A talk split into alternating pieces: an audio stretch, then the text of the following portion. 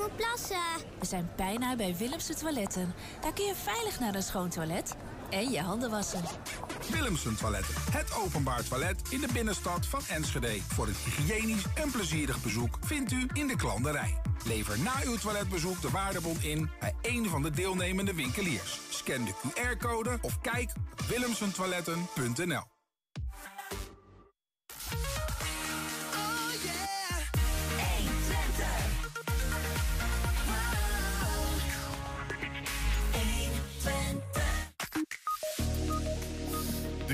zijn de deur uit. Je woont eigenlijk veel te groot. Maar kleiner wonen is zo simpel nog niet. Woningcorporatie Welbions in Hengelo probeert een handje te helpen. En wat zegt het dat 55% van de kiezers in Enschede niet naar de stembus ging in maart? Donderdagavond steken de nieuwe helden een thermometer in de lokale democratie tijdens de voorstelling In Search of Democracy 3.0. Op de markt is je gulden een daalder waard en je euro een ja, zeg het maar, trekt de markt in duurder wordende tijden meer mensen. En Hello Spel vanavond. We nemen de onderwerpen door met collega Niels Veurink. Het is dinsdag 19 april en dit is 120 vandaag. 120.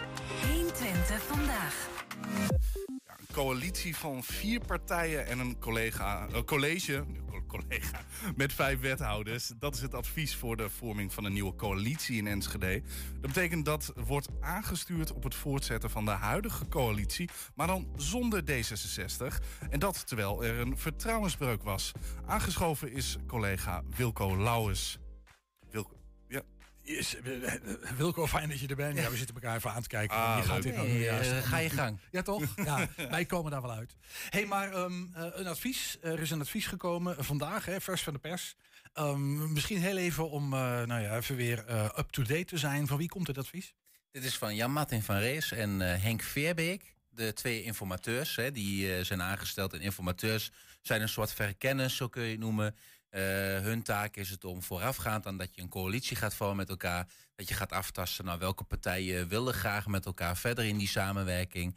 En uh, op welke uh, punten raken ze elkaar? Hè? We, hebben ze raakvlakken met elkaar? Op welke thema's?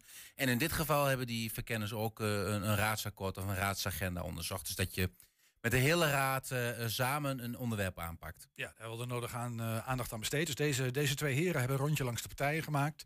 En is er al, uh, nou ja, wat, wat is er uitgekomen tot op heden? Ja, dat is eigenlijk al wat we misschien al wel al weken roepen. Het is misschien ook wel de meest logische optie.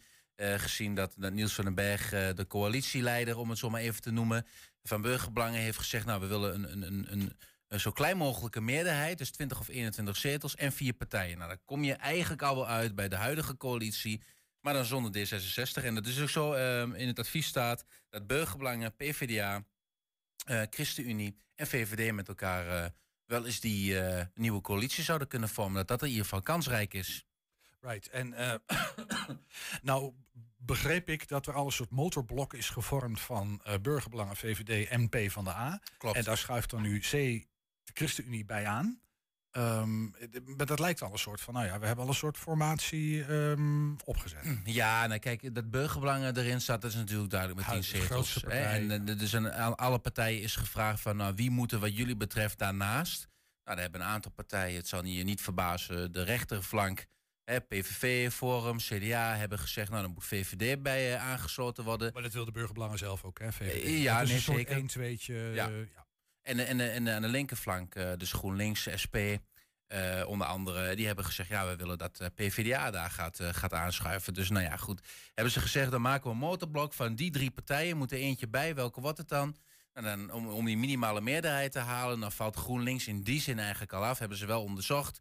Maar daarvan zeggen Burgerbelangen en VVD liever niet uh, eh, CDA is bekeken. Dat zou misschien in, inhoudelijk meer in het straatje van die twee partijen passen. Ja. Maar toch zijn er ook heel wat moeilijkheden. Dat zou ook met, met poppetjes te maken hebben uiteindelijk. Wie wordt de wethouder? Of het verleden ook. En de PvdA zal ook niet direct staan te springen om met, met CDA Klopt. iets te gaan doen. Die zoeken daar toch wel wat linkser linkse signatuur naast. Klopt, klopt. Nou ja, en, en, en uh, dan kom je dus eigenlijk al wel een beetje uit bij, uh, bij ChristenUnie. Ja. hey, maar nou was er, en dat, dat, dat, dat triggert me wel, dan was er een vertrouwensbreuk. Hè? Kort voordat die gemeenteraadsverkiezingen gehouden zouden worden, uh, zegt de, de PvdA, ChristenUnie en D66, toen nog dat deel van de coalitie, het vertrouwen in mede-coalitiegenoot VVD op. Die breuk, is die gelijmd dan inmiddels? Ja, dat, dat is opvallend. Uh, ze hebben vorige week hebben, uh, hebben drie partijen, uh, want die breuk is natuurlijk niet gelijmd. De, de, de, informateurs constateren in hun verslag ook dat er veel oud zeer is. Hè. En dan hebben we het over. En ze op die breuk. Eind januari het moskeebesluit, waar toch heel veel om te doen was. Nou, eerder ging het al over de opvang van minderjarige vluchtelingen. Was ook al wat gesteggel onderling. En er zijn er nog meerdere momenten geweest in die coalitieperiode dat het niet, uh, niet helemaal lekker uh, klikte tussen deze vijf partijen. Hè, tussen die twee flanken in, in die coalitie. Um, dat, die, die constatering is dus gedaan. En, en om, om verder te gaan is er vorige week donderdag een gesprek geweest tussen burgerbelangen, uh, VVD en de PvdA om het oudseer uit te spreken. Om Alleen met elkaar die drie? Alleen die drie partijen. Op, op, wiens, op wiens initiatief is dat gebeurd? Dat is op initiatief van de informateurs gebeurd. Dus die informateurs hebben al een, een, een paar uh, beoogd coalitiepartijen om tafel gezet. Ja. Om met elkaar in gesprek te zijn. Ja, die hebben dus in die gesprekken gemerkt van, nou, uh, de, de, hier, hier, stuurt de raad op aan als een nieuwe coalitie. Uh, maar is wat oud zeer. Ja, ik vind het ook, ook in die zin vreemd in het proces. Ik, kijk, ik kan, ik kan me voorstellen, voordat jij met al die 13 partijen gaat praten, dat je zegt, nou, er is afgelopen periode het een en ander gebeurd. Voordat we elke partij gaan vragen, wat wil je nu precies? Wat is jouw voorkeur? Uh, gaan we eerst met deze vijf partijen, dus alle vijf oude coalitiepartijen, gaan we om tafel om, om eens erover te hebben van wat is daar nou gebeurd? Uh, hoe moet je, kun je nog überhaupt met elkaar verder? Waar, waar is die vertrouwensbreuk op gebaseerd? Ja. Um, hè, om dat uit te praten. Een soort mediation zou je het kunnen noemen, voorafgaand aan dat je al die partijen gaat vragen. Dat is niet gebeurd. Hè? Dat is ook niet omschreven in een proces. Dus dan zou ik verwachten, je gaat 13 partijen, want dat is informatieproces. Je gaat 13 partijen vragen, ja. wat wil je? En dan komt deze conclusie eruit. En dan had je dus een, een, een, een, een, een verslag moeten hebben van... nou, we, we adviseren om de huidige coalitie door te zetten zonder D66. Maar we zien wel dat er nog wat oud zeer is. Dan is dus advies, praat het met elkaar uit. En als dat niet lukt, dan hebben we een ander scenario. Maar nou, nou hebben ze eigenlijk al een, een extra stap gemaakt. Eigenlijk zijn ze stiekem al een beetje aan het formeren nou ja, geslagen. Ze hebben, dat, ze hebben dat motorblok al om tafel gezet... om te ja. kijken van, gaan jullie er samen uitkomen? Of Precies, en ja. dat vind ik wel opvallend. Ja, dat is opvallend. Ja. Ook, nou, ook richting D66 nou bijvoorbeeld. Hè? Daarmee heb je eigenlijk al bij voorbaat gezegd... D66 ligt eruit. Die ja. komt er niet in. Streep door de rekening. Precies. Oké, okay, dat is opmerkelijk. En terwijl er niks is uitgepraat. Nee. Dan zou ik zeggen, ja, daar had het dan van tevoren gedaan. Nou, dat is allemaal een... En dat is wel raar. Eigenlijk is, is uh, uh, zo hebben we het ook omschreven op de website... D66 het kind van de rekening geworden. Die, die, die, die vertrouwensbreuk um, heeft dus heel verkeerd uitgepakt... voor eigenlijk D66 in dit geval.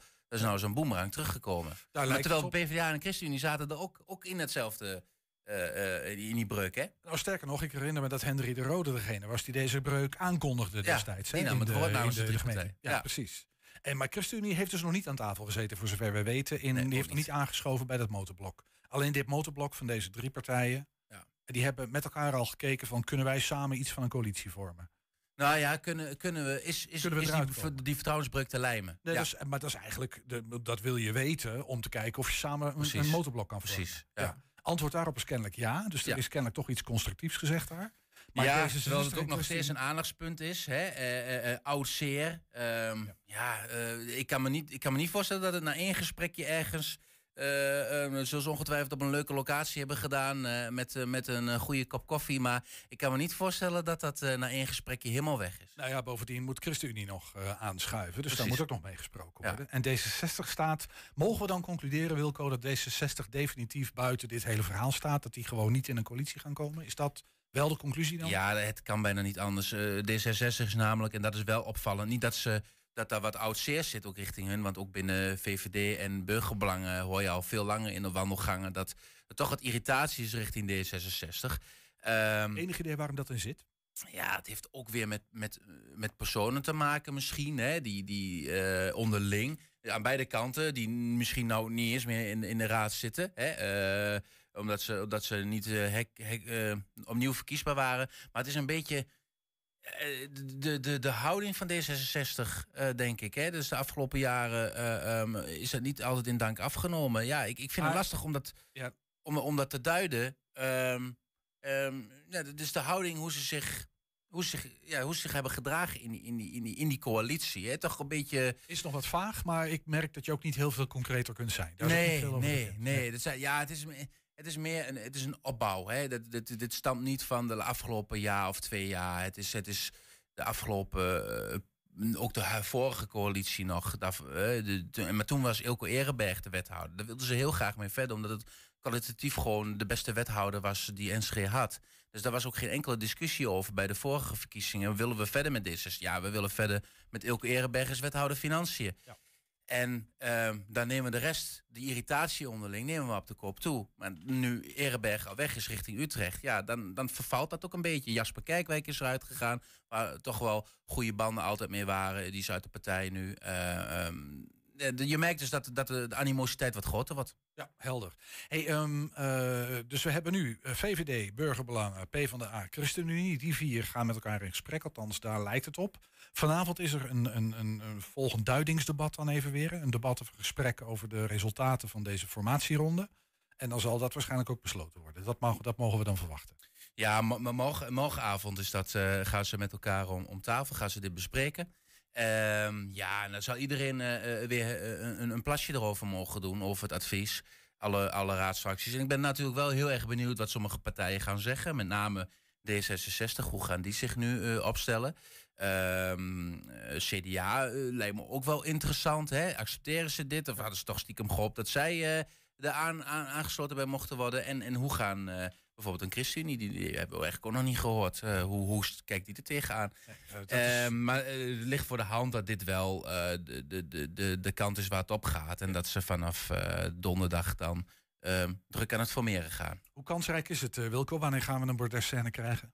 Nou, de, de, informateurs denken dat het eind mei dat een coalitieakkoord op hoofdlijnen, zoals dat heet, hè, niet te diep op alle zin, maar uh, op, op, grote lijnen dat, uh, dat er eind mei uh, duidelijkheid over is. En dat begin juni de, de nieuwe wethouders geïnstalleerd kunnen worden. Of ja, nieuwe wethouders.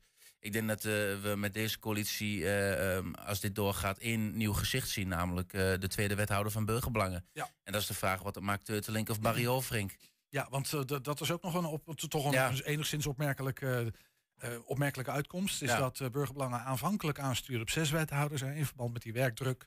Maar dat wordt er nu toch vijf. Het blijven er vijf zoals het al was. Ja, dus niet drie, maar twee wethouders voor burgerbelangen. Ja, dan moeten ze daar gaan uitmaken met elkaar wie. Maar dat is echt uh, pas op een later moment aan de orde, de poppetjes. Uh, nee, ik, ik, ja, ik, ik denk dat dit, dit redelijk kansrijk is, omdat ik voel bij die partijen dat ze allemaal wel zoiets hebben van misschien moeten we dit ook wel gewoon doen met elkaar. Um, maar ja, dan loop je natuurlijk wel het risico dat je net als eigenlijk de afgelopen coalitie zoiets krijgt van ja, we moeten wat. Hè, en dat het tegen beter weten in is. Dus ik, ik, ja, ik, ik, ik ben wel benieuwd of die vertrouwensbreuk, of dat echt straks gelijmd is, of dat dat toch ergens nog, nog een beetje doorcijpelt. Want, want dan krijg je denk ik dezelfde situatie als de afgelopen vier jaar. Dus er moet wel echt van alle kanten het gevoel zijn dat, uh, uh, dat, dat, het, dat het levensvatbaar is. Helder, dus dat gaan we woensdagavond proeven, morgen, morgenavond, of, of, of, die, of die breuk een beetje gelijmd is of niet. Nog heel even kort, uh, Wilco, tot slot, dat raadsakkoord, is daar meer helderheid over? Of gaan we dat ook op morgen, uh, woensdagavond pas Ja, nou, daar krijgen we morgen wel meer over. Wat uh, trouwens meer een raadsagenda. dat wil dus zeggen dat je gewoon thema's bepaalt waar je over gaat praten, dat de uitkomst nog niet vaststaat. En dat je aan de voorkant, voordat het college met een voorstel komt, dat je eigenlijk als raad al zegt, nou, we gaan over praten, dit zijn onze wensen op nou, een van die thema's is veiligheid. En wat de informateurs wel zeggen, maakt dat wat concreter. Dus veiligheid, daar hebben ze het over. Ja, het is echt preventie van sociale en fysieke onveiligheid in de wijken. Nou, je wordt er al warm van, merk ik. ja, dat is ja maar dit is, dit, is, dit is formatietaal. Dat is prima. Jij gaat het voor ons Lokaal, kleinschalig groene energie opwekken, circulair denken, kansengelijkheid, eenzaamheid. Uh, voldoende betaalbare woningen. Ja, het, wordt toch ook allemaal gewoon weer politiek, ben ik bang. Ik ben benieuwd hoe ze hieruit gaan komen dat er een raadsakkoord ligt waar ook. Ja, want ze hebben, ja, dus de informateurs spreken al over omarmen met elkaar. En dat je dan ook een begroting met z'n allen goedkeurt. Ja, weet je, dit, het is uiteindelijk ook wel gewoon politiek in de gemeenteraad. En een, gemeente, en een partij staat ook voor zijn eigen achterban. Dus, het blijft natuurlijk een, ja. pluriformiteit, daar bestaat de democratie uit. Eh, jij gaat het voor ons uh, bijhouden en in normale mensentaal vertalen. Um, ik ga mijn best doen. Ja, nou, dat gaat je lukken, daar ben ik van overtuigd. Dankjewel Wilco. Later gaan we in gesprek over wie er te gast zijn in het 120-programma Hengelo Spel. Maar dat het in het teken zal staan van wonen, dat staat al vast. Sigrid Mulder is doorstroomcoach bij wooncoöperatie Welbions. En zij is de gast en gaat alvast het onderwerp wonen aansnijden. Ja, en we zijn ook als podcast te beluisteren via alle bekende platforms. Je vindt daar hele uitzendingen en elke dag één item uitgelicht. We gaan er nou even kijken. Vandaag. Onder de naam Wilmings Kweek biedt het Wilming Theater acht stagiaires een betaalde stage aan. Onder de noemer Leren door te spelen. En spelen deden ze vorige week aan de Deurningenstraat in Enschede. in de vorm van een heus woonkamerconcert. En dan is het even stil, maar we gaan heel, dan praten we er gewoon heel even overheen. Want uh, ja, de, we, we, gaan zo meteen naar de video Ellen, van Wilmings. Drukte van belang hier, zo in deze huiskamer. Waarom? Ja, wij gaan hier een hele mooie voorstelling spelen, Theater Thuis, door de Kweekdames. En uh, ja, dit is onze uh, première, dus, dus het is super spannend, maar we hebben er heel veel zin in. Wilming Kweektheater noemen jullie dat. wie heeft dat bedacht? Ja, het is Wilmings Kweek, dus het is eigenlijk een betaald uh, stagetraject... waarin uh, talenten uit heel het land zich kunnen aanmelden... en waarin ze een jaar lang uh, workshops volgen, um, lessen krijgen... en uiteindelijk in onze nog voorstellingen spelen. Ik vermoed spelen. dat de kijkers thuis ook nog geen beeld hebben. We gaan kijken of we de video opnieuw kunnen starten. Dan krijg je hem alsnog voorgeschoteld. Een woonkamerconcert werd net gezegd, maar het is natuurlijk eigenlijk een theatervoorstelling... Dus ik weet niet hoe je dat dan kort zegt. Woonkamertheatervoorstelling, geen idee. We zijn bezig om te kijken of dat gaat lukken. Ik zie beelden. Volgens mij gaan Ellen, we starten. drukte van belang hier, zo in deze huiskamer. Waarom? Ja, wij gaan hier een hele mooie voorstelling spelen, Theater Thuis, door de Kweekdames. En uh, ja, dit is onze uh, première, dus, dus het is super spannend, maar we hebben er heel veel zin in. Ja, Wilming Kweektheater noemen jullie dat. Uh, wie heeft dat bedacht? Het is Wilmings Kweek, dus het is eigenlijk een betaald uh, stagetraject... waarin uh, talenten uit heel het land zich kunnen aanmelden...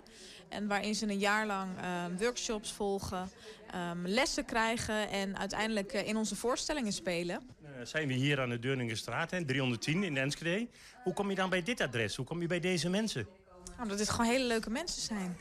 Ja, die van theater houden. Nou, hoe leuk is het om een première te spelen bij mensen die, uh, die dat leuk vinden. En die uh, normaal ook de theaters ingaan. Dus vandaar dat wij hier zijn. Laatste vraag, wat kunnen we verwachten? Heel veel en ook weer heel weinig. Omdat we in de coronatijd uh, gemerkt hebben dat het, het, het kan best wel eenzaam zijn. En we zijn heel erg geneigd om naar onze telefoontjes te grijpen. En uh, als je in een restaurant komt, het eerste, wat is de wifi-code? In plaats van, goh, wat zullen we eens eten en hoe gaat het met je? Um, dus we proberen eigenlijk om die eenzaamheid en dat, dat uh, individuele weer open te breken naar een, gezamenlijk iets met, met heel veel liefde voor het vak. En deze meiden die zijn fantastische spelers, zangers, dansers. Dus um, ja, wat dat betreft zal ik heel veel verwachten, want het is echt een hele leuke voorstelling.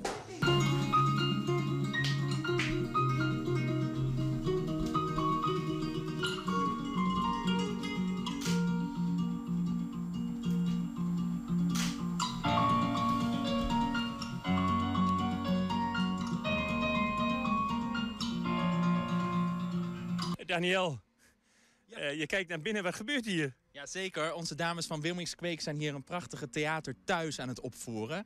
Dus uh, ja, hartstikke gaaf om te zien dat de hele woonkamer vol zit met, uh, met mensen die van deze voorstelling aan het genieten zijn. Wat een bijzonder idee. Zeker weten. Ja, we kennen het concept natuurlijk allemaal van het beroemde plastic bakje. Uh, waarin er een party georganiseerd wordt door de, het huisgezin. Uh, die de vriendinnen uitnodigen of vrienden van kom met elkaar eens kijken naar een nieuw concept. Uh, onze dames van Wilmings Kweek hebben een prachtige voorstelling gemaakt. die ze dan dus in de woonkamer gaan opvoeren voor de groep mensen die aanwezig zijn in de woonkamer. Wat is het doel van deze zeg maar, voorstellingen in de huiskamer?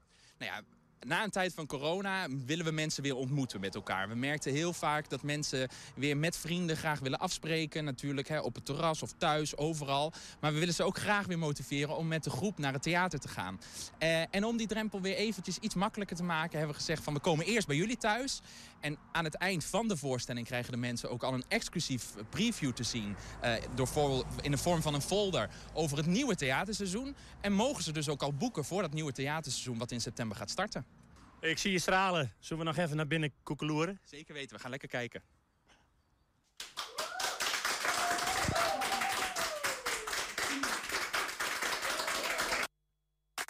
Heb je een tip voor de redactie? Mail dat dan even naar info.120.nl. Misschien zit jij hier wel dan in het programma met jouw idee, jouw, jouw projecten. Laat allemaal maar weten via info.120.nl.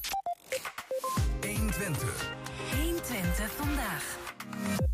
De maandelijkse talkshow Hengelo Spijl staat vanavond voor een groot deel in het teken van de Hengeloze woningnood. Starters kunnen niet starten, ouderen willen wel, maar kunnen niets kleiners vinden en groeiende gezinnen zien de muren letterlijk op zich afkomen. De woningmarkt zit op slot en doorstroming moet de boel lostrekken. Sigrid Mulder weet alles van het onderwerp. Zij is doorstroomcoach bij de Hengeloze Woningcorporatie Wel bij ons. En ze is bij ons. Uh, welkom uh, Sigrid. Fijn dat je bent. Hey, doorstroomcoach. Ik moest echt het woord even twee keer lezen voordat ik dacht van... oh, oké, ik heb nu een vaag idee waar dit over gaat. Een ingewikkeld woord, vind ik hoor. Ja, het is ook een ingewikkeld woord. Uh, wij hebben de functie wooncoach, maar ze hebben het doorstroomcoach genoemd. Ik, dus eigenlijk alle woon wooncoaches, wat vroeger wooncoaches zijn... dat zijn nu doorstroomcoaches geworden. Is dat zo? Nee, de functie bij ons is wooncoach. En ik probeer de doorstroming te bevorderen. Dus ze hebben de, bij de redactie denk ik doorstroomcoach van gemaakt. Maar, uh, Oké. Ja. Oh, precies. Maar dus, dus, dus de, de term die we nu gebruiken, die moeten wij even schrappen. Je bent gewoon wooncoach. Wooncoach, ja. Maar jij bent al van de doorstroming. Klopt. Ja, oké. Okay. Hey, en als we doorstromen, we noemen net wel even het voorbeeld hè, van ouderen die misschien best wel groot wonen, een paar slaapkamers over, kinderen zijn weg, maar die eigenlijk heel lastig aan een kleinere woning komen of ze moeten veel meer geld betalen. Um, die ouderen wil je graag hebben dat die doorstromen. Maar zijn er meer groepen die moeten gaan doorstromen? Vind ik dat zou echt wel handig zijn als die doorstromen om de boel vlot te trekken. Het mooiste is als uh, de mensen passend wonen in hun woning. Dus als je ja. uh, een één of twee persoons huishouden hebt. En uh, ja, eigenlijk maakt het niet uit van welke leeftijd. Het is natuurlijk mooi als die gewoon passend wonen in een kleinere woning met twee of drie slaapkamers. En dat grote eengezinswoningen weer vrijkomen voor gezinnen. Gaat het dan alleen, want, want jij bent van een woningcorporatie, hè? hebben we het nu alleen over huurwoningen of doe jij ook iets op, op, uh, op, op een ander vlak? Ik kan me voorstellen dat er mensen genoeg zijn. Veel ouderen zullen in een koopwoning wonen bijvoorbeeld.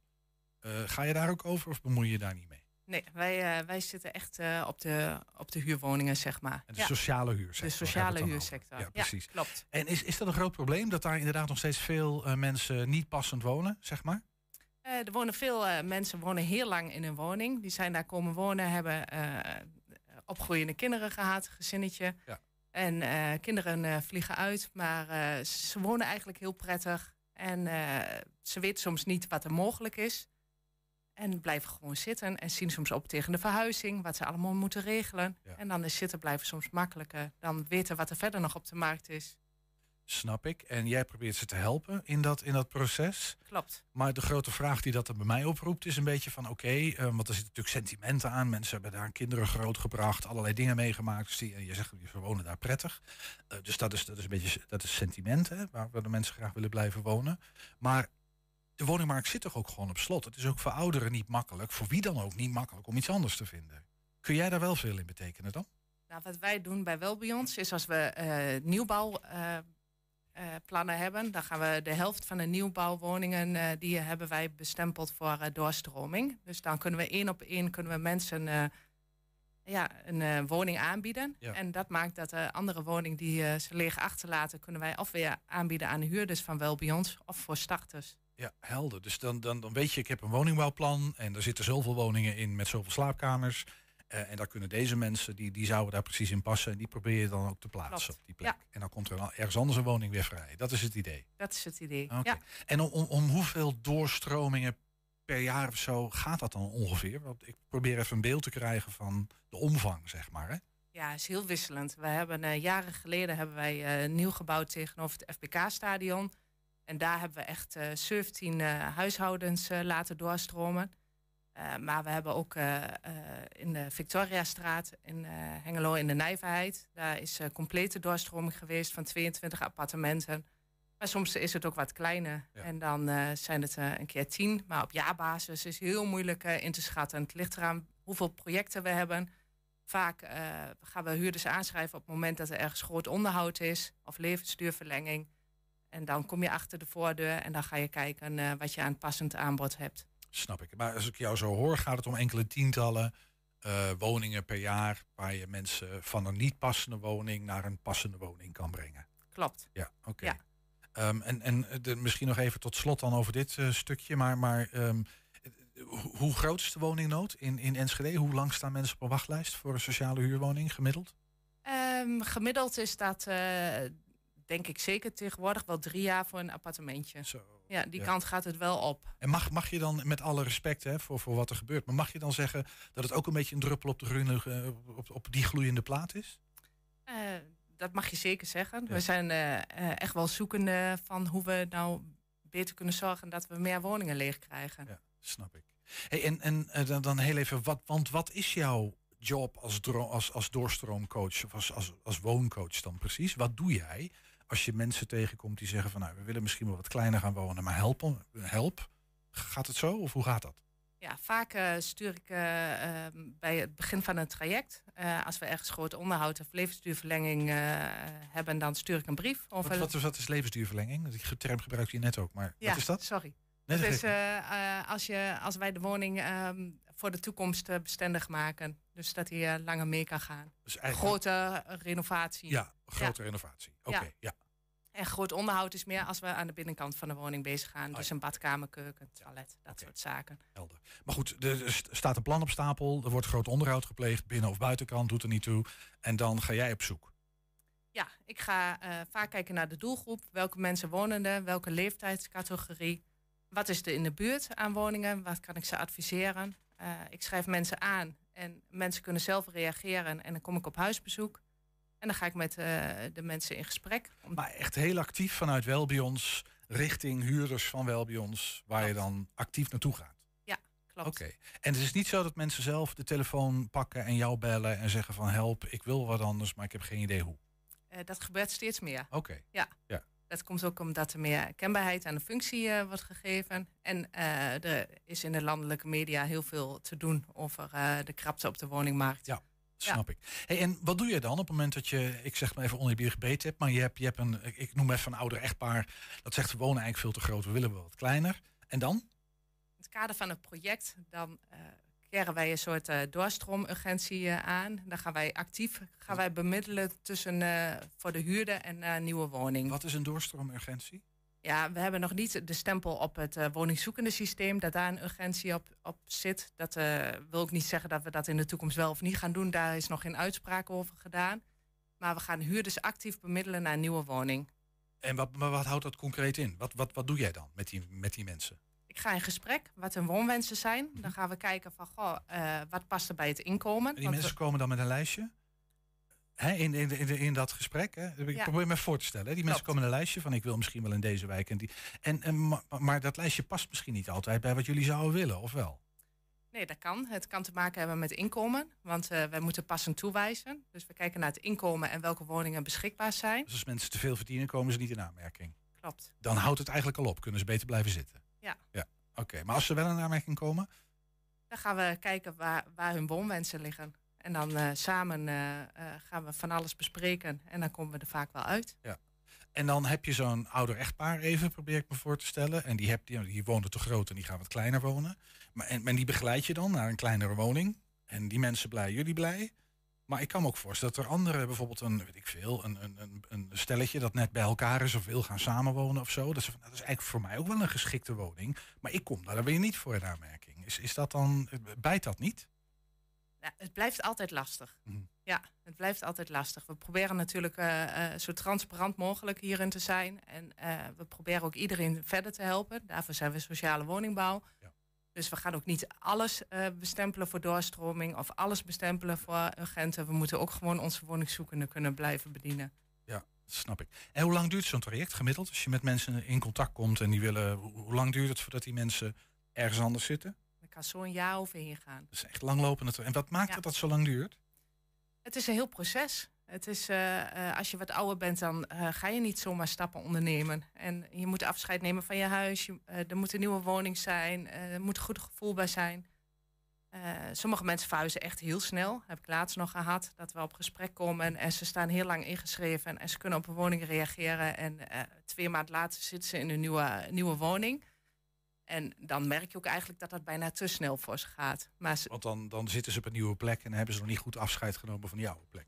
Ja, er is, ze zijn heel blij met de nieuwe plek. Maar eh, ook gezien de leeftijd is het soms wel heel moeilijk om zo snel te schakelen en alles te regelen. Ja, dus daar wil je de tijd voor nemen. Hè, eh, hoor ik jou dan een beetje zeggen. Maar hoor ik je wel. ook een beetje tussen de regels zeggen dat je soms mensen ook wel een beetje moet overhalen om, om te verhuizen, om toch kleiner te gaan wonen? Eh, soms wel, maar ik heb altijd zoiets van... mensen moeten wel zelf willen. Als Ja. ze niet willen, zou ik het niet stimuleren om ze te verhuizen. Nee. Ben jij de enige wooncoach bij Welbions en, eh, die, die dit doet? Ja. Oké, dus zoals jij zegt, van ik, ik, ik zorg ervoor dat mensen dat echt wel, dat het echt hun eigen beslissing is. Dat ze zich niet gepusht voelen. Dan mogen we dat ook van je aannemen. Ja, absoluut. Zeker weten. Ja. Het kan een soort algemeen beleid zijn, maar uiteindelijk hangt het er ook vanaf wie, wie, wie die persoon. gesprekken, Ja, toch, wie die gesprekken doet. Ja. Ja. Hey, en eh, je het leuk werk? Dat, lijkt me best complex, want dat is een heel traject. En, en je moet mensen soms een beetje overhalen. Is, is het leuk werk? Superleuk. Ja? Wat maakt het zo leuk? Eh, het mensencontact. Ehm, de functie is van A tot en met Z. Dus eh, je schrijft het beleid en eh, je voert het ook uit. Ja. En het mooie is ja, dat je, als je iets bedacht hebt, dat je ook kunt kijken of het werkt. En dat is heel erg mooi. Ja. Ja. Ik, ik las in de, in, de, in de voorbereiding dat jij eh, dat, dat je hebt, je hebt. Het is bijna welzijnswerk, zei je. Misschien tot slot even. Wat, wat, wat, wat, wat- wat- nou ja, dat, dat, dat, dat zegt nogal wat. Hè? De- waarom is dat bijna welzijns, eh, welzijnswerk? Ja, omdat je toch eh, in gesprek gaat en je moet toch een beetje een inschatting maken van goh, waar past iemand, waar heeft iemand behoefte aan. Dus het is veel meer dan alleen maar even op huisbezoek en zeggen van goh, deze woning, woningen hebben we en daar kun je naartoe verhuizen. Ja. Hoe druk ben je, tot slot? Druk genoeg. Oh, je vraagt een beetje wat ik bedoel. eh, we vergrijzen hè, als samenleving met elkaar. Ja. En die woningmarkt die wordt alleen maar krapper. Ehm, moeten er nog vijf wooncoaches bij, wat jou betreft? Zou mooi zijn. Ja. Nu nog niet, maar ik hoop wel dat het eh, in de toekomst eh, dat we genoeg doorstroming hebben dat dat ook kan. Nou, Sigrid Mulder was dat. Eh, ja, we mogen niet meer zeggen doorstroomcoach, gewoon wooncoach bij wel bij ons eh, in Hengelo. En vanavond gaan we het er verder over hebben in, eh, in Hengelo Spel. Dankjewel. Dankjewel.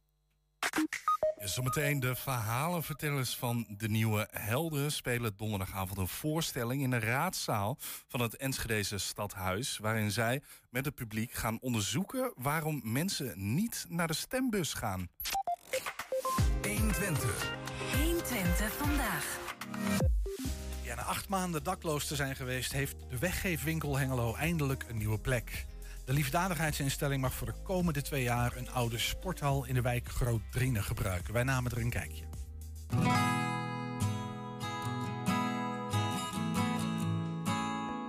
Ten eerste dat ik gewoon hartstikke blij ben dat de weggeefwinkel weer een plekje heeft in Hengelo. En ik denk dat iets als een weggeefwinkel in Hengelo gewoon hartstikke belangrijk is. Je kunt mensen helpen die gewoon behoefte hebben aan spulletjes. Het is beter voor het milieu. En ik denk gewoon dat het ook een stukje samenhorigheid in Hengelo geeft. Ja. Dus gaan jullie snel naar binnen? Staat ook wel even aan de kant. Oh. Oeh, wat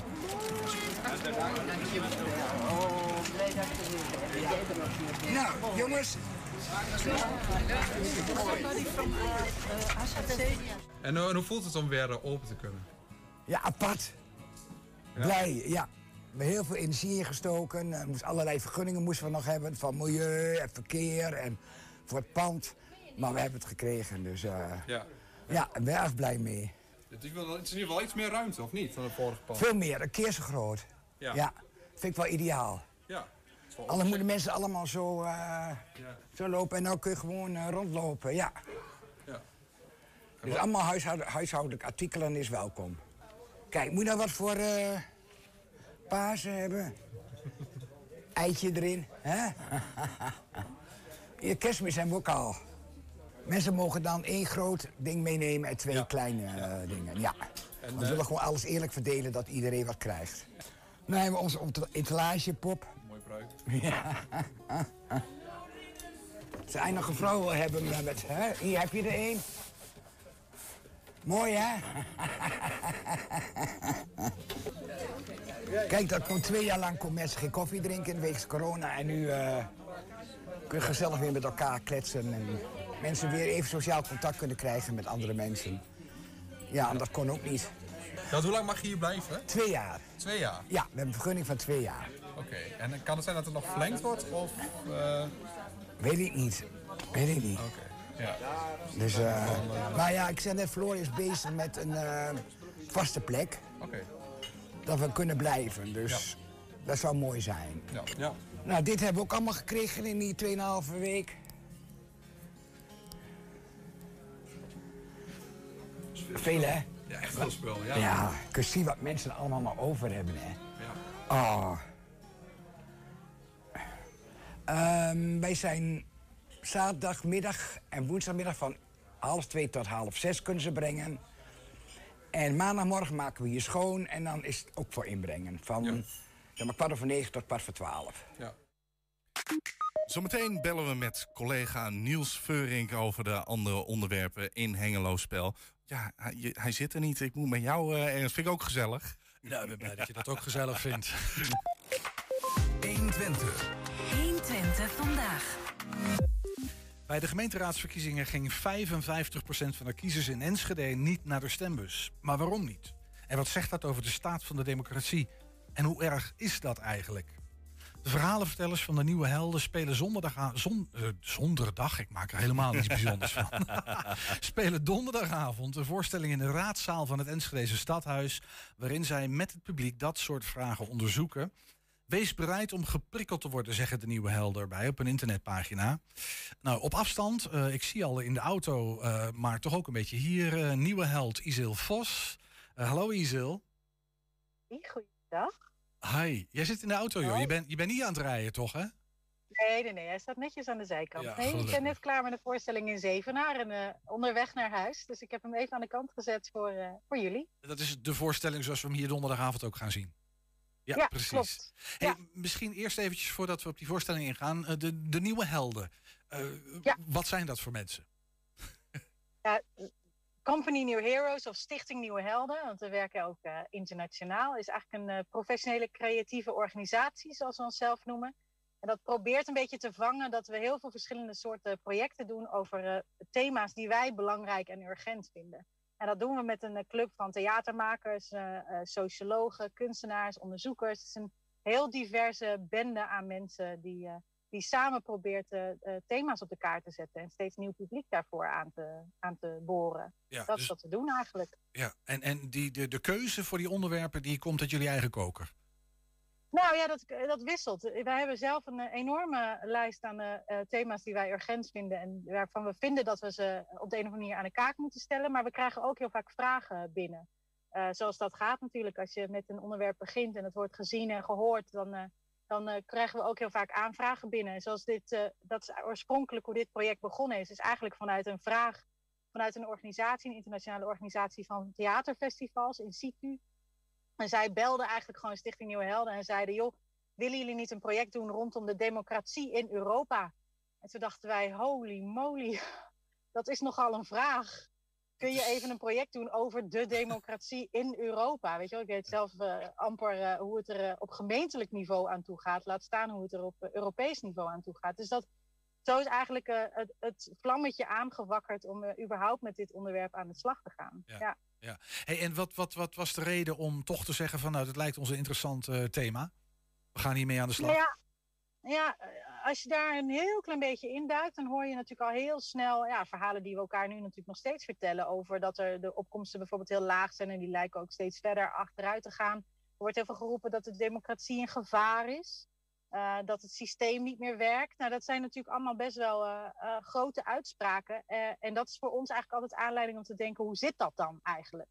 Dus ehm wij zijn meestal proberen we een beetje weg te blijven van het idee dat wij dan vervolgens het antwoord hebben. Ik kan je, ga je vandaag ook niet vertellen hoe het dan allemaal wel zou moeten.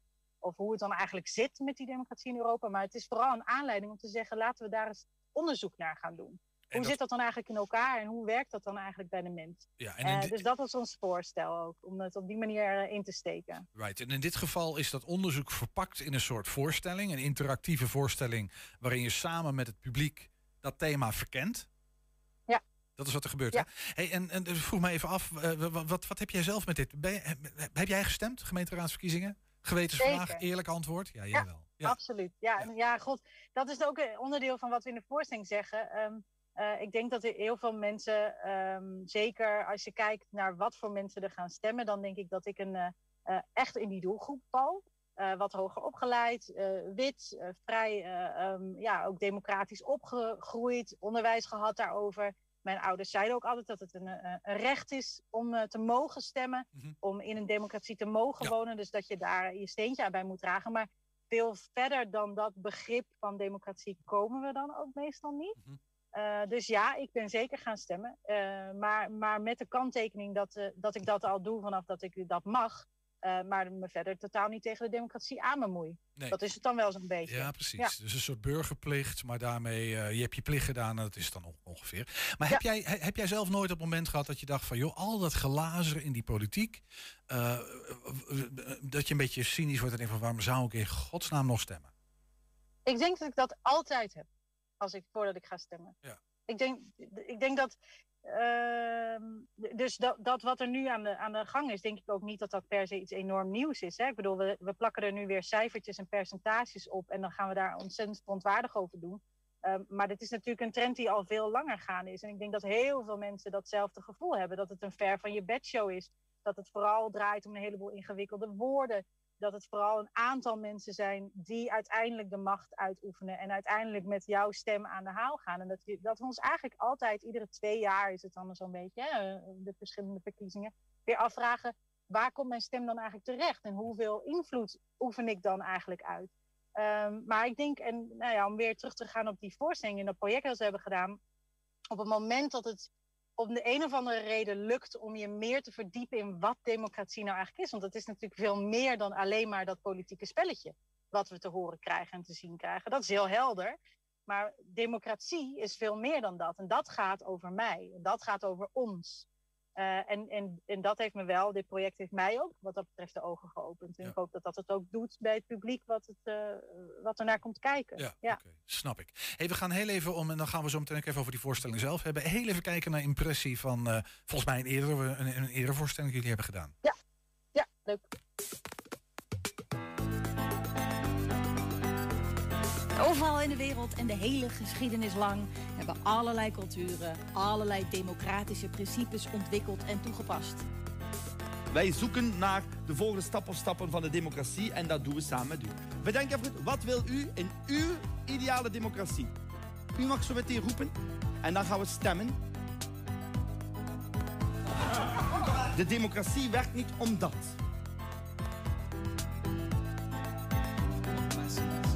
This is extremely dangerous to our democracy. This is extremely dangerous to our democracy. This is extremely dangerous to our democracy. This is extremely dangerous to our democracy. This is extremely dangerous to our democracy. This is extremely dangerous to our democracy. This is extremely dangerous to our democracy. This is extremely dangerous to our democracy.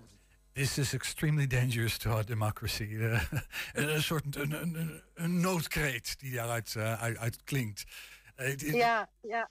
Is dat een beetje Ja, overtrokken? de- de- of, eh? Die muziek en de soundscape zijn gemaakt door een van, eh, van ons team. En die ook altijd meespeelt. Niels Kuijten speelt a- aanstaande donderdagavond ook in eh, Enschede mee. Ja, en, met- En dat- jij zelf ook, ja. hè? Jij bent een van de... Een Ja, van de, een van de ja, precies, oké.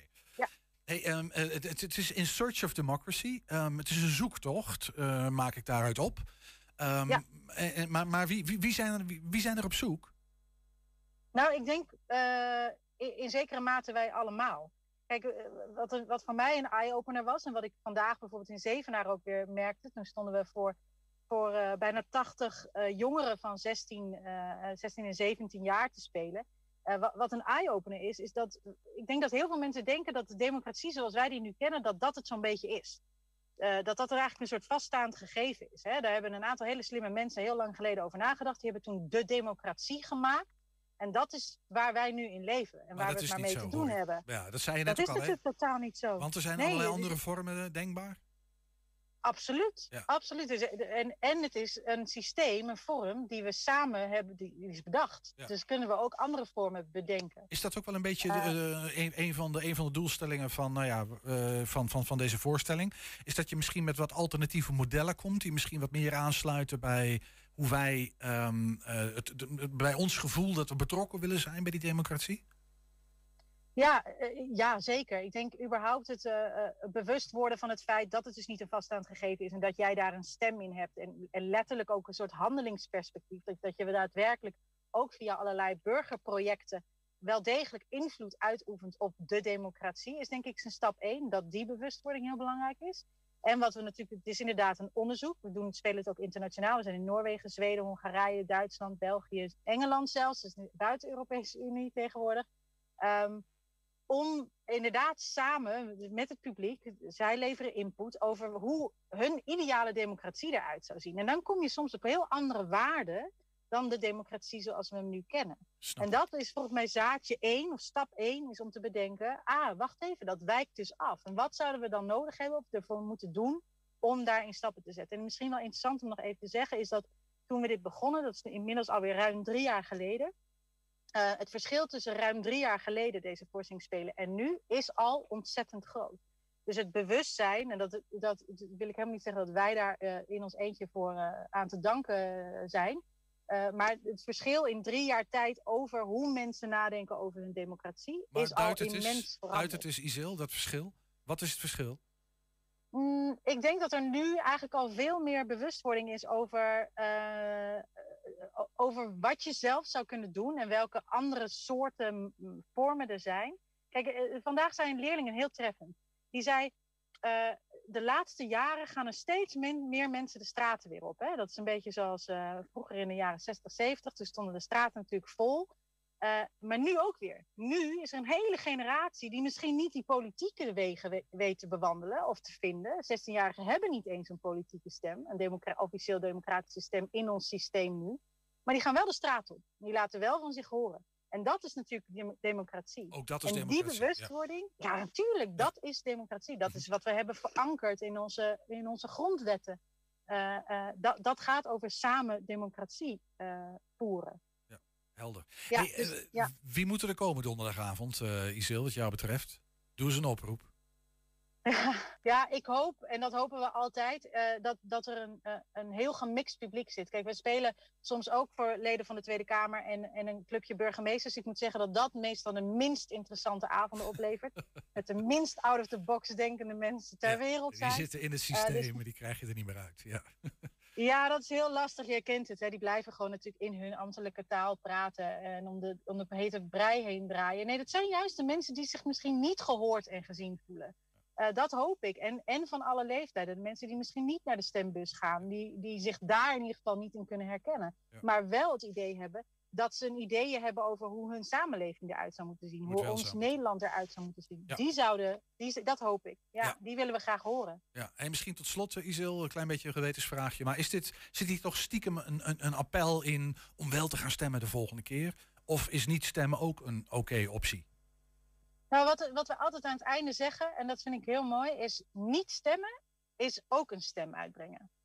En daar je bewust van worden. Kijk, niet meedoen, besluiten niet mee te doen aan het democratisch systeem. Dat betekent dat je meedoet. Ja. Want niet je stem uitbrengen betekent dat jouw stem uiteindelijk naar de grootste partij gaat. Dus absoluut mag je, hoef je niet te stemmen. Je dat, daar gaat het helemaal niet om. Ik, ik zou helemaal niet degene die willen zijn die zegt: eh, kom allemaal naar de stembussen. Maar ik ben wel degene die zegt: wees je bewust van dat je een rol te spelen hebt in onze democratie. Dat iedereen dat heeft. Denk, denk, denk daarover na.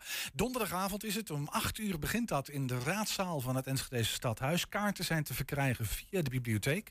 bibliotheekenschede.nl En dit was nieuwe held Isil Vos. Dankjewel Isil dat je even je auto langs de kant hebt laten staan. Ja, graag gedaan. 120. 120 vandaag.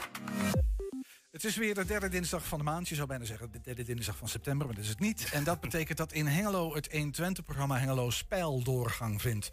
Wat er allemaal in het programma zit, kunnen we het beste vragen aan onze eigen Niels Veuring, die normaal gesproken op deze kruk zit. En hij is aan de lijn. Niels, hoi. Hey Ernst, hoi Daar hoi. heb je hem. Hoe is het, jong? Vanuit het Hengeloze hoor je. Ja, heel goed. Ja, dat is mooi. Eh, Ehm, dat is mooi, dat is goed hoor. Vooral die F35 van Enschede naar Hengelo, dat blijft toch altijd wel genieten. Je hebt de F35 genomen, joh. Hartstikke goed van je. Ik zie je al helemaal gaan met je rugzakje, met je spulletjes.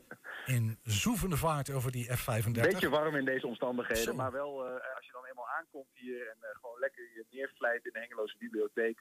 Prima. Bidonnetje, bidonnetje erbij. Ik wou net zeggen, mooi wielrenfietsje. Ja, precies. Staat hem vast goed. Ik wist dat jij erover zou gaan beginnen. Niels, wat zit er in Hengelo Spijl vanavond? Wat gaan we doen? Nou, we gaan vooral eh, praten over de woningnood. Hè, die is overal, maar die is ook in Hengelo dus. Ik hoorde net, joh, Ehm, drie jaar wachttijd voor een sociale huurwoning. Ja, nou, dat, dat, dat hangt er wel een beetje vanaf. Hè? Dat, want ook hier in Hengelo speelt het wel dat, eh, dat er wordt gezegd... ja, dat ligt er maar net aan hoe je naar kijkt. Kijk, als jij, ehm, er wordt gezegd, als jij bijzondere wensen hebt... ja, dan kan het maar zijn dat die wachttijden oplopen. Maar zonder mensen met een bijzondere wens... zou een Hengeloer binnen één jaar een woning moeten kunnen vinden. Hè? Dus op de sociale huur, eh, sociale woningmarkt. Nou ja, even, dat zijn de cijfers. Maar vanavond over die woningnood eh, en de zoektocht naar huizen.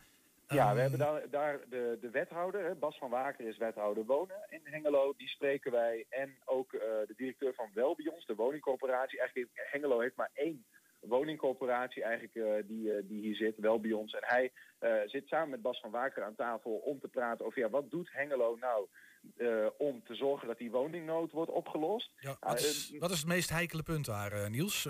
Want ik bedoel, als, als stad heb je maar tot op een zekere hoogte daar invloed op, hè?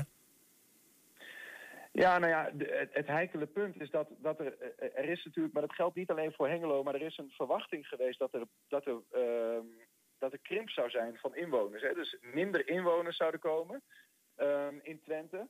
Eh, dat die zouden wegtrekken naar het eh, westen of dat, dat mensen zouden. Dat, dat, dat er minder zou, ge- mensen geboren zouden worden, dat, dat soort dingen. En op basis daarvan ehm, nou ja, is er gewoon niet genoeg gebouwd in de afgelopen jaren. Nou is er een, een besluit genomen dat de, dat de gemeente eigenlijk meer vrijheid krijgen. Eerder had de, had de provincie daar nog best wel veel invloed op. En nu krijgen ze vrijheid van, nou ja, ehm, eh, doe maar wat je denkt dat nodig is. En, ehm, eh, maar nou is weer de vraag van ja, als je nu heel veel gaat bouwen en die krimp zet alsnog in, ja, dan heb je straks een woningoverschot. En eh, ik kan alvast verklappen dat de directeur van Welbions, die gelooft dat de krimp wel in zal zetten. En hij zegt van ongeveer rond 2032. Eh, maar dat betekent dus, kort gezegd, dat je tijdelijke woningen zult moeten bouwen. Ehm, omdat je anders hè, straks met een woningoverschot zit. Ja, nou ja, dat is natuurlijk best wel een ingewikkeld dossier. En de vraag voor mij is ook altijd een beetje, ja, wat is nou de taak van zo'n woningcorporatie daarin? Wat is de taak van gemeente Hengelo? Hoe, ehm, nou ja, wat hebben die echt met elkaar te maken? Nou, daar ga ik met hun over, eh, over praten vanavond. En welke uitdagingen er dan voor liggen. Helder. Hey Niels, nog even kort, welke andere onderwerpen? Nou, we hebben ook eh, de fractievoorzitter van de SP in Hengelo, Hugo Koetsveld.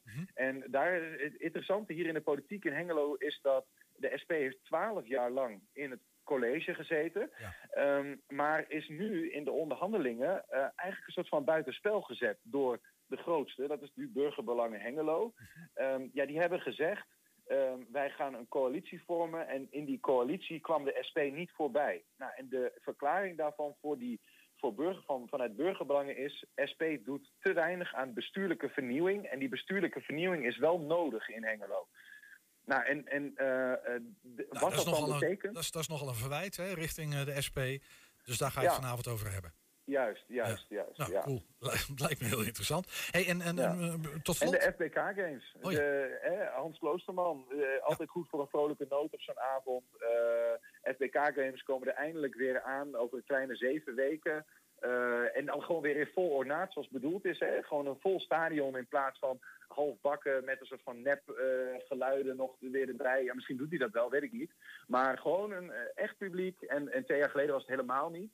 Nou, dus het is weer in drie jaar gewoon weer echte eh FBK Games met een waarschijnlijk een topveld. Omdat eh, in Nederland superveel nu topatleten zijn. En die komen bijna altijd wel naar Hengelo. Omdat hier het enige internationale atletiek evenement van Nederland is. Ja, en een groot Ehm, evenement ook. Nou ja, dus, echt dus daar gaat het over hebben. En we hebben nog een verslag van het Groot Hengeloos Dicté, de eerste keer. Oh ja, cool. Ja, daar hebben we eerder aan, eh, aandacht aan besteed. Hoe laat vanavond, Niels? Vanavond om eh 7 uur zenden we live uit op onze website 120.nl. Maar je kunt er ook bij zijn. We nemen op in de bibliotheek in Hengelo. Gewoon eh, open deurbeleid. Dus kom gezellig langs en eh, nou ja, neem plaats. En al, als je dat niet kan of niet wil of whatever, dan eh 7 uur live op de website. En anders kun je het vrijdag om 10 uur eh, terugzien op ons televisiekanaal. Hartstikke goed. Vanavond 7 uur, live in de bibliotheek in Hengelo. Ehm, publiek is welkom, kom vooral binnen. Ehm, dit was even Niels Veurink over Hengelo Spel vanavond. Zometeen nog een verhalenverteller, want Robert van der Meulen met zijn bijdrage voor deze week. 120. 120 vandaag. De traditionele markt lijkt bezig aan een spectaculaire comeback. Gesteund door het goede weer en de prijsstijgingen in de supermarkt... trekken mensen in horden naar de vele kraampjes. Maar is dat bij de doorgaans goed bezochte markt in Enschede ook het geval? Of zien de mensen daar juist een ander soort trend ontstaan? We staan hier vandaag in Enschede. Het is hier een bruisende markt en lijkt alles te maken te hebben met het stralende weer en het feit dat de supermarktprijzen steeds hoger worden. En daarom gaan we hier langs, even langs bij de mensen om te peilen wat de stemming hier is. Bent u een vaste marktganger? Nee, Maar bent u nu wel?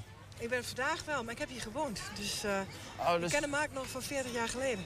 Ben jij een eh, vaste eh, marktganger? Niet echt. Ik kom niet heel vaak eh, in, op de markt, nee.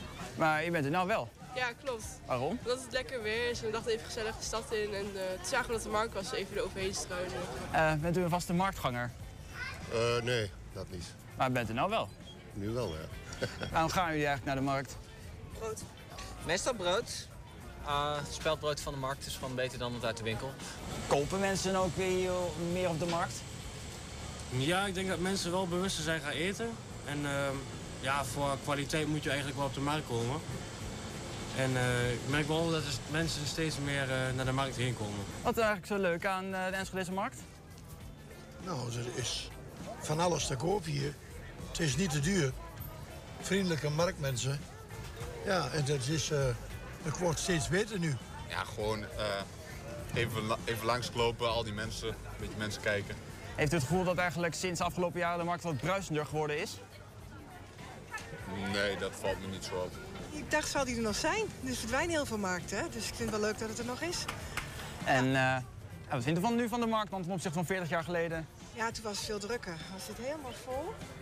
Eh, dit zag er ook allemaal anders uit. En wel, wel ook stoffen, stoffenmarkt had je toen. Ja, maar- Ik zie geen enkel stoffenkraampje meer. Dus ik, ik weet niet of ik daar heel veel mening over heb eigenlijk. we gaan meestal ook op dinsdag, omdat het dan wat rustiger is. Ah, dus jullie vermijden juist liever de drukte? Ja. En wat vindt u van de sfeer zo- van de markt zoals die nou is? Geweldig. Geweldig? Ja. Ehm, ik merk wel dat het minder druk is dan de afgelopen paar jaren. Maar dat komt natuurlijk ook wel een beetje door corona. Mensen gaan niet meer snel naar de, naar de stad, denk ik. Ja, op het moment is het wel eh, mooi weer. Dat, is wel, eh, dat heeft wel eh, invloed op de mensen natuurlijk, ja. En eh dan leek het wel leuk om even voor de sfeer over de markt heen te lopen. Ja, en ik dacht misschien een leuk tasje kopen of wat dan ook. Kan nooit kwaad. Je kan nooit te veel tassen hebben. En zijn de prijzen hier ook leuker dan in de supermarkt? Ja, nou, valt eigenlijk... Ja. Het is wel verser, maar ik denk dat fruit eh, goedkoper is in de supermarkt. Maar het is wel beter, denk ik. Kijk om je heen. Je hebt hier een groot aanbod van alles, ook op dinsdag. En eh, de fruit. Ja, en de visboeren. Ik, vind, ik, ik hou van Enschede. 120.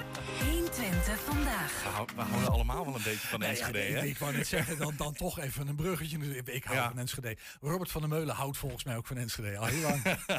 en hij is hier met het verhaal van de dag. Ja. De column zelfs. Ja, nou het verhaal in dit geval. Ja, ik- ik Ja, vind- Robert is een verhalen eh, vertellen, Ja, dan moeten we daar Ja. ook lekker bij Ja. Oké. Ehm, balkonscène heet het verhaal. We hadden een bon. Geen bekeuring, maar een leek, leuke. Eentje voor een wijnproefavond. Die had zij cadeau gekregen van een vriendin. Voor haar verjaring verleden jaar. Het werd tijd om hem te verzilveren, want haar verjaring dit jaar naderde alweer en daarmee de verzilverd deadline ook. Werd het een leuke avond? Jawel, jawel. De wijn viel hier en daar wat tegen en de borrelhapjes hadden een hoger renniegehalte, maar een kniezoor.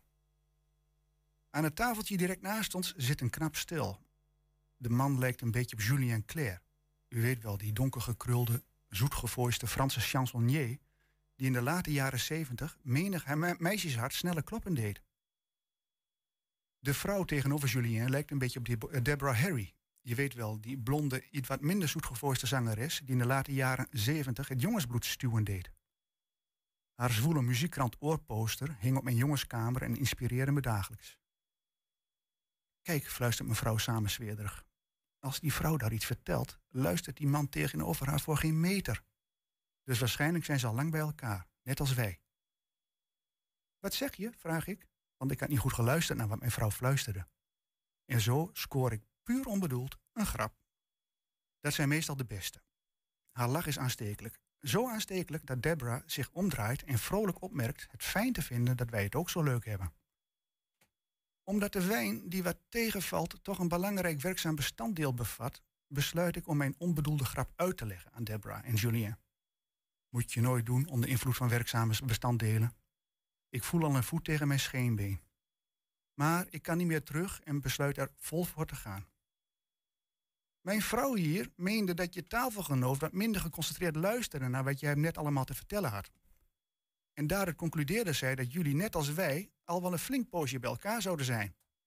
Omdat ik dat soms ook doe, minder geconcentreerd luisteren dus. Volgens mijn vrouw dan.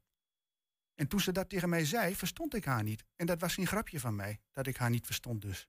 Maar daarmee werd het puur onbedoeld grappig. En daar moest zij om lachen. Want wij zijn inmiddels ook al wel een flink poosje bij elkaar. Snap je wel? Julien vat hem direct. Zijn lach vermengt zich met de mijne. Hij zegt dat mijn vrouw van goede mensenkennis beschikt. Maar Deborah blijft mij vragend aankijken. Daarom leg ik het nogmaals uit.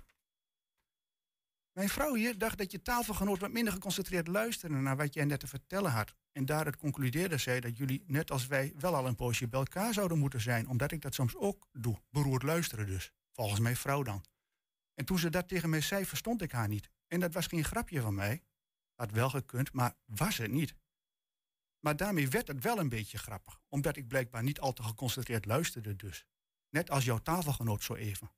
Want wij zijn inmiddels ook al een flink poosje bij elkaar. Snap je? Julien grinnikt opnieuw. Maar Deborah besluit om een slok van haar Pinot Blanc te nemen. Het valt pijnlijk stil. In de flits moet ik denken aan de scheurkalender op onze wc thuis.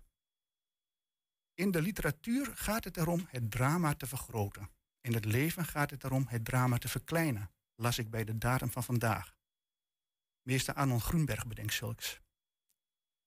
Wat dat levensdrama betreft, dreig ik vanavond volkomen kopje onder te gaan. Ik haal adem in een ultieme poging het nogmaals uit te leggen, maar vol opnieuw een schop onder de tafel. Dit keer vals venijnig. Het blijft daarom bij ademhalen. Ik zie geen andere oplossing dan laf te vluchten. Ik voel een sterke behoefte aan een contemplatieve plek.